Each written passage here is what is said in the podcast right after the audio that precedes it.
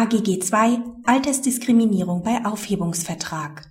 Nimmt der Arbeitgeber von einem freiwilligen Abfindungsprogramm älterer Arbeitnehmer aus, liegt darin keine verbotene Benachteiligung wegen des Alters. Zur Vermeidung von betriebsbedingten Kündigungen legt der Arbeitgeber ein freiwilliges Abfindungsprogramm auf. Danach erhalten Arbeitnehmer, die bis zum 30.06.2007 freiwillig aus dem Arbeitsverhältnis ausscheiden, einen näher definierten Abfindungsbetrag. Die Angebote des Arbeitgebers richten sich ausdrücklich nur an Mitarbeiter der Jahrgänge 1952 und jünger, wobei diese nicht verpflichtet sind, ein entsprechendes Angebot anzunehmen. Der Arbeitgeber behält sich zudem vor, in jedem einzelnen Fall über den Abschluss eines Aufhebungsvertrags zu entscheiden. Ein Arbeitnehmer, der vor 1952 geboren ist, verlangt die Teilnahme an dem Abfindungsprogramm. Nach Ablehnung des Arbeitgebers klagt er auf den entsprechenden Abfindungsbetrag. Nach Ansicht des BAG ist die Klage unbegründet. Mit dem Ausschluss aus dem Abfindungsprogramm ist der Arbeitnehmer weder unzulässig diskriminiert worden, noch ergibt sich der geltend gemachte Anspruch aus dem allgemeinen Gleichbehandlungsgrundsatz. Der Anwendungsbereich des AGG ist eröffnet, da unter die Entlassungsbedingungen im Sinne von 2 Absatz 1 Nummer 2 AGG auch Aufhebungsverträge fallen.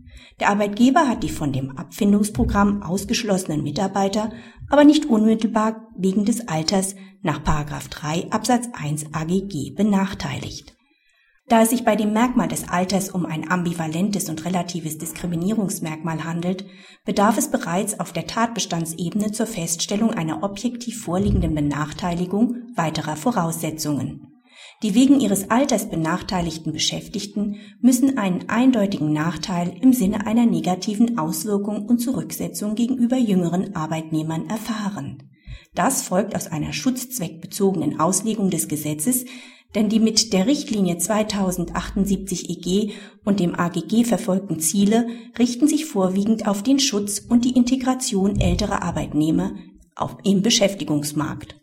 Aus diesem Grund können Arbeitnehmer, die von einem Personalabbau ausgenommen werden, nicht im Sinne von 3 Absatz 1 AGG unmittelbar gegenüber jüngeren Arbeitnehmern benachteiligt sein, selbst wenn der Personalabbau mit attraktiven Abfindungen einhergeht. Der Zweck des Diskriminierungsverbots ist gerade durch den weiteren Verbleib der älteren Arbeitnehmer im Arbeitsverhältnis verwirklicht, denn sie erhalten bei typisierender Betrachtung die Chance, bis zum Eintritt in den Ruhestand erwerbstätig zu bleiben. Eine mögliche wirtschaftliche Gegenrechnung dergestalt, dass ein Ausscheiden aus dem Arbeitsverhältnis wirtschaftlich attraktiver sei, kann nicht durchgeführt werden. Der Abschluss eines Aufhebungsvertrags kann mithin von älteren Arbeitnehmern nicht nach den Vorschriften des AGG verlangt werden. Unbeschadet dessen wäre die Maßnahme des Arbeitgebers im vorliegenden Fall auch nach 10 Satz 1 und 2 AGG gerechtfertigt. Da sich der Arbeitgeber vorbehalten hat, über jeden einzelnen Aufhebungsvertrag individuell zu entscheiden, liegt auch kein Verstoß gegen den allgemeinen Gleichbehandlungsgrundsatz vor. Praxishinweis die Entscheidung erleichtert die Durchführung von freiwilligen Personalanpassungsmaßnahmen. Eine unvorhergesehene Ausweitung des Abfindungsvolumens durch Gleichbehandlungsklagen müssen Unternehmen demnach nicht befürchten. Das BAG betont zu Recht den bestandsschützenden Charakter des AGG und verhindert damit letztlich, dass die Diskriminierungsregeln zum Abfindungspoker durch arbeitsmüde Beschäftigte missbraucht werden. Zu beachten ist lediglich, dass die Voraussetzungen der Teilnahme an einem potenziellen Abfindungsprogramm klar definiert werden und sich der Arbeitgeber ein individuelles Letztentscheidungsrecht hinsichtlich des Abschlusses einschlägiger Vereinbarungen vorbehalten muss